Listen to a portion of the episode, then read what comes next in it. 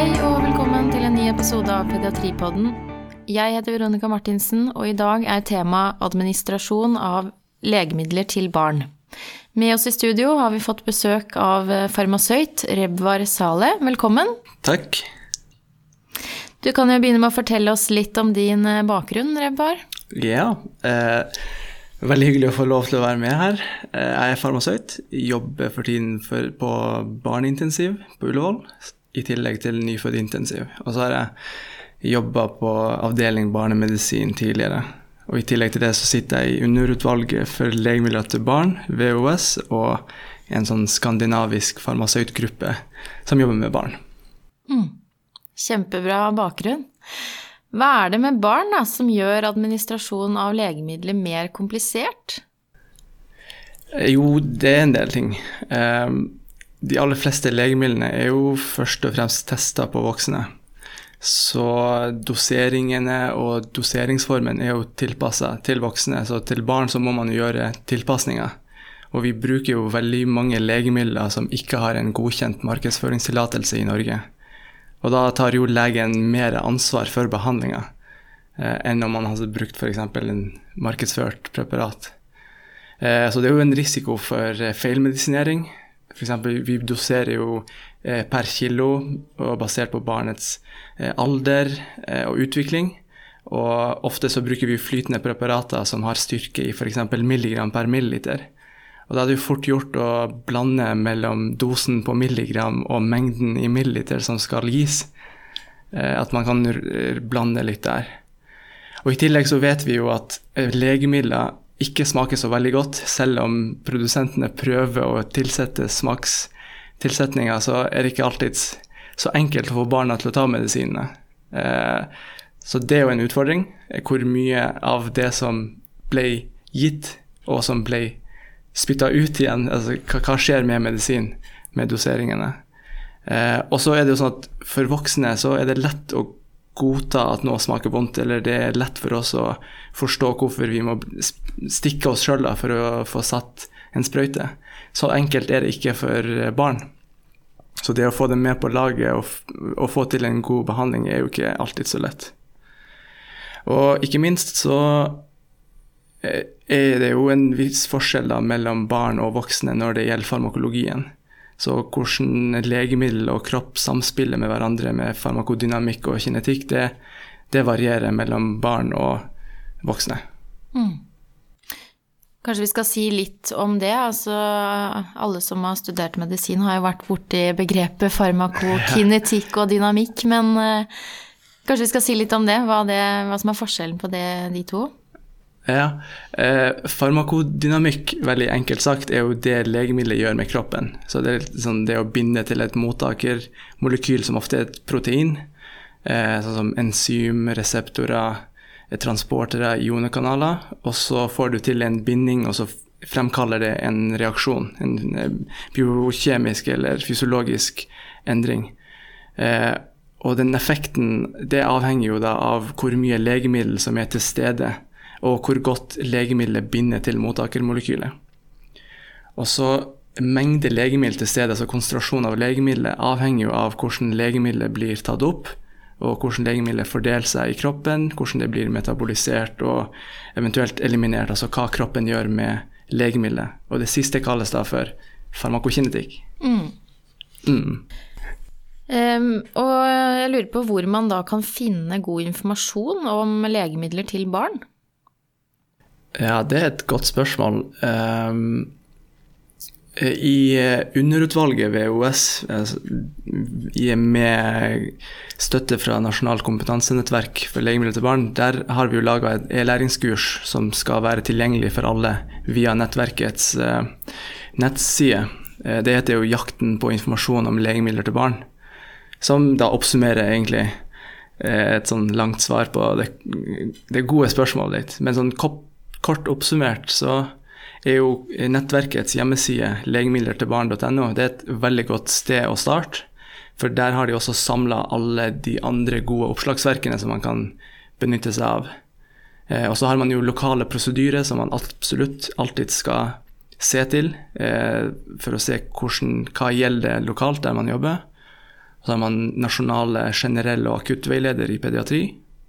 Metodeboka for nyfødtmedisin i Tromsø er jo et veldig godt oppslagsverk. Så har man jo litt mer internasjonale med Micromedex og Neofax eh, og Pediatric, som er et godt oppslagsverk.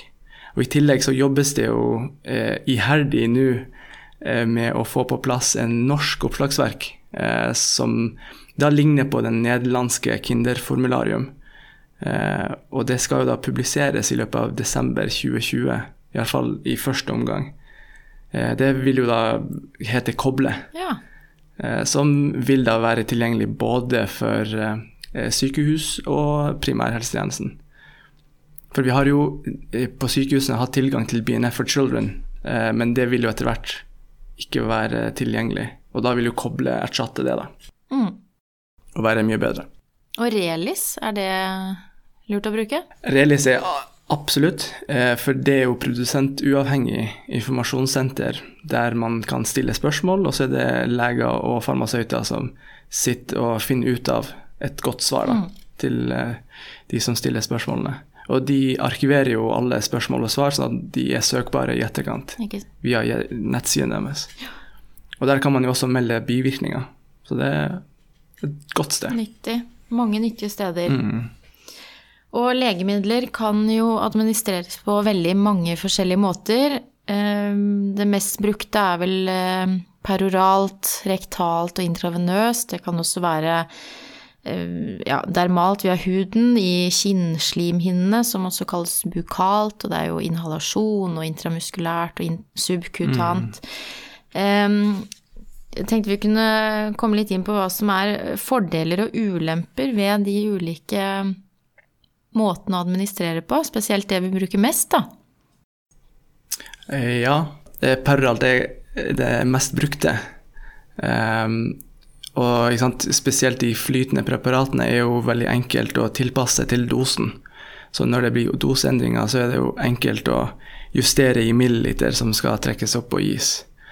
Eh, Men igjen da, utfordringa er jo med smak og mengde og det å få det inn. Eh, Og så har man jo oppløselige tabletter.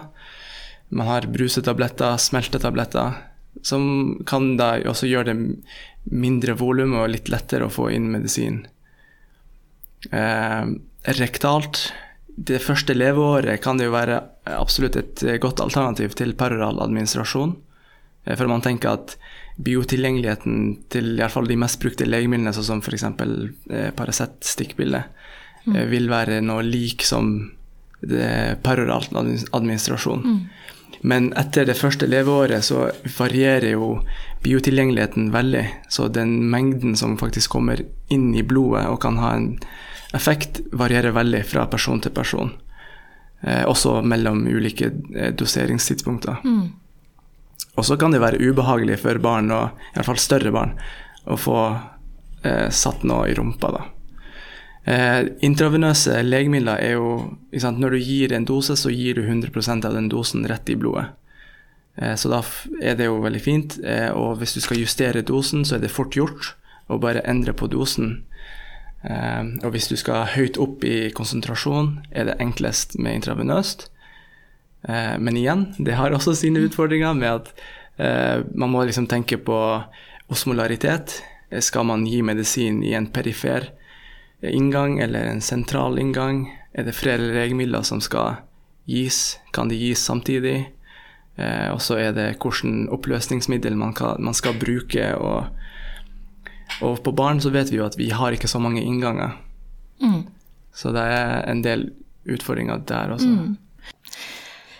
Bør man alltid som lege sjekke om dette legemiddelet kan blandes i f.eks. melkeprodukter? For yoghurt er vel en ganske hyppig brukt matvare og Det blanding? er jo Ja, altså det er jo ikke alt som kan blandes direkte med f.eks. kalsiumholdige matvarer. Eh, Så det kan være greit å sjekke på f.eks. slv.no interaksjonssøk, for å se om noen av legemidlene som barnet skal få, er eh, interagerer eller ikke med den maten man har tenkt å blande ut i. Og så har vi vært inne på stikkpiller, da. Det, mm, er det noen forholdsregler man må gjøre her hvis, eh, hvis det er et lite barn og man tenker at stikkpille er et godt alternativ? Ja, da eh, Ikke sant, det der med å holde rumpeballene klemt sammen i litt rett etter at man har satt inn stikkpiller, og så gjerne holde barnet i ro en stund for å unngå at stikkpiller kommer ut igjen, er jo alltid eh, fint å gjøre. Og så i tillegg så det er på en måte Nå skal jeg si noe veldig kontroversielt, men eh, det fins ingen fasit når det gjelder spiss eller butt ende først. Eh, man må bare tenke på hva som er mest ubehagelig for barnet, og så ikke gjøre det. Mm. Eh, og hvis man kan f.eks. smøre med litt eh, noe matolje for at det skal gli litt lettere. Mm, det var et godt tips. Mm. Eh, du nevnte litt tidligere i samtalen eh, dette med at eh, barn gjerne brekker seg og kaster opp i etterkant av at man har gitt en medisindose. Og da er jo et hyppig spørsmål, eh, hvis det har gått 10 minutter eller 20 minutter eller 30 minutter, hva gjør vi da? Ja, nei, det er jo ikke alltid så lett eh, å ha et fasit på det heller. Men hvis man kan ha, sette en sånn regel om at eh, først og fremst så må man vite hvilket legemiddel det er snakk om. Er det et legemiddel som har et smalt terapeutisk vindu, så eh, bør man jo følge med litt nøyere. Og gir du en hel ny dose med en gang, så er det jo en fare for at man gir for mye og ender opp på en toksisk konsentrasjon. Eh, og motsatt, hvis du ikke gjør noe Eh, etter oppkastet. At man havner nedenfor og da får eh, mindre effekt eller dårligere effekt. Så, men sånn, en sånn ja, cirka-regel på de første 15 minuttene, hvis det begynner oppkast, og du, så kan man jo vurdere å gi eh, en hel dose på, nytt. Spesielt også hvis du ser at en hel tablett f.eks., eller det pulveret som man har gitt, eh, kommer opp i oppkastet. Men etter en, et kvarter så kan man vurdere en halv dose, og etter en halvtime så kan man eh, vurdere å faktisk ikke gi noe. Da. Mm. Og du nevnte det at mange perorale legemidler eh, smaker vondt. Har du noen gode og praktiske råd når det gjelder oral administrasjon? Eh, ja. Eh, hvis man har noe flytende, så bruker man gjerne sprøyte og legge det langs eh, kinnet og langt bak, sånn at man unngår de smaksløkene på tunga. Det, det, vil jo også gjerne gjøre det lettere å svelge ved å eh, utløse eller aktivere svelgerefleks. Eh, man mm. har jo isbit-trikset med at man kan eh, ha litt isbit på tunga for å bedøve smaksløk. Eh, og så må man da vurdere pasienten man har foran seg, om noe passer eller ikke akkurat når med isbiter. Eh, men det å oppbevare eh, miksturer og dråper i kjøleskap så lenge de, de, kan oppbevares i kjøleskap, vil jo gjøre også at de smaker mindre. Eh, premiering er jo veldig fint, eh, gjerne i etterkant. Hvis man har noe godt å skylle med rett etterpå, er jo veldig bra. Og så er det viktig mm. at man aldri skal lure et barn til å ta medisin fordi at uh, det går kanskje et par ganger, men så vil det bli vanskelig utover. Eh, Paracet og Ibuprofen det er vel kanskje de legemidlene som vi bruker mest til barn. Eh, og der er det jo litt variabelt om foreldre gir stikkpiller, eller om de gir mikstur eller smeltetablett. Litt avhengig av hva som er lettest å gi til barnet, da. Eh, men opp til hvilken alder er stikkpiller like bra som mikstur? Eller når bør man tilstrebe å gi mikstur? Er det noen regler på det? Altså, jeg tenker jo at Hvis man kan gi det peroralt, så bør man jo tilstrebe å gi det peroralt. I mange tilfeller så vil det å gi stikkpille til et eh, spedbarn vil jo være det enkleste. Eh, men som jeg nevnte tidligere, så er det jo litt usikkert med forutsigbarheten av hvor mye av virkestoffet som faktisk tas opp. Og så må man jo vurdere hvilken type legemiddel man har med å gjøre. For hvis eh, det ikke er så veldig nøye på hvor mye som tas opp, så lenge det har en effekt, så er det jo positivt. Altså, men hvis du har et legemiddel med smalt terapeutisk vindu, så er det enda viktigere å passe på. Um, men eh, ja, altså I løpet av det første året så kan stikkpiller fungere, men utover det så vil jeg anbefale å tilstrebe paralleladministrasjon. administrasjon. Mm. Og hva tenker du om Paracet og, og Ibux e ved feber? Er det likeverdig å gi ved feber? Eh, ja, altså nå er det jo i første eh, altså I utgangspunktet så er det jo hva, hva er grunnen til feberen? Så det er jo en ting mm. å finne ut av det. For hvis du bare kun fokuserer på å behandle feberen, så kan man jo risikere å gå glipp av årsaken til feberen. Absolutt. Og så går man jo ut ifra at man har forsøkt sånn ikke-medikamentelle tiltak med hydrering og det med lettkledning og sånt. Så er jo paracetamol førstevalget ved feber. Og hvis det ikke har effekt alene, så kan man da gi eh, ibuprofen, altså Ibux, i tillegg. Men da må man jo da passe på eh, med de her ulike forsiktighetsreglene eller kontraindikasjoner med Ibux, e at pasienten ikke har noe som skulle tilsi at den ikke skal få Ibux. Mm. Er det andre generelle råd som man må huske på når man gir eh, legemidler til barn? Eh, man burde jo eh, først og fremst kontrollere da, at det er en indikasjon for å bruke et legemiddel. Eh, og så kontrollere at den dosen man har valgt, og eh, og formuleringa eller legemiddelformen eh, er hensiktsmessig i forhold til barnet. Både alder, eh, utvikling og forståelse. Eh, og så bør man sørge for at man gir god nok informasjon til foreldrene, men også barnet hvis barnet er i stand til å forstå det. Sånn at de er med på det og får et eierforhold og sånn sett da øke sannsynligheten for etterlevelse. Og så bør man jo følge opp behandlinga Eh, og gjøre de justeringene som er nødvendige ettersom barnet blir eldre og større. og så bør man jo da eh, passe på det der med de oppslagsverkene som vi snakka i stad, om at man velger barnespesifikke oppslagsverk. For når man har gjort det, så får man jo tatt hensyn også til de her farmakologiske forskjellene mellom barn eh, og voksne. Som f.eks. det med opptak, at Eh, du har annerledes opptak av legemidler i absorpsjon. Eh, nyrefunksjonen med utskillelse er jo redusert hos barn, så du får jo lengre halveringstid hos en del legemidler. Som du må gjøre justeringer med både en høyere førstegangsdose og kanskje lengre intervall for å mm.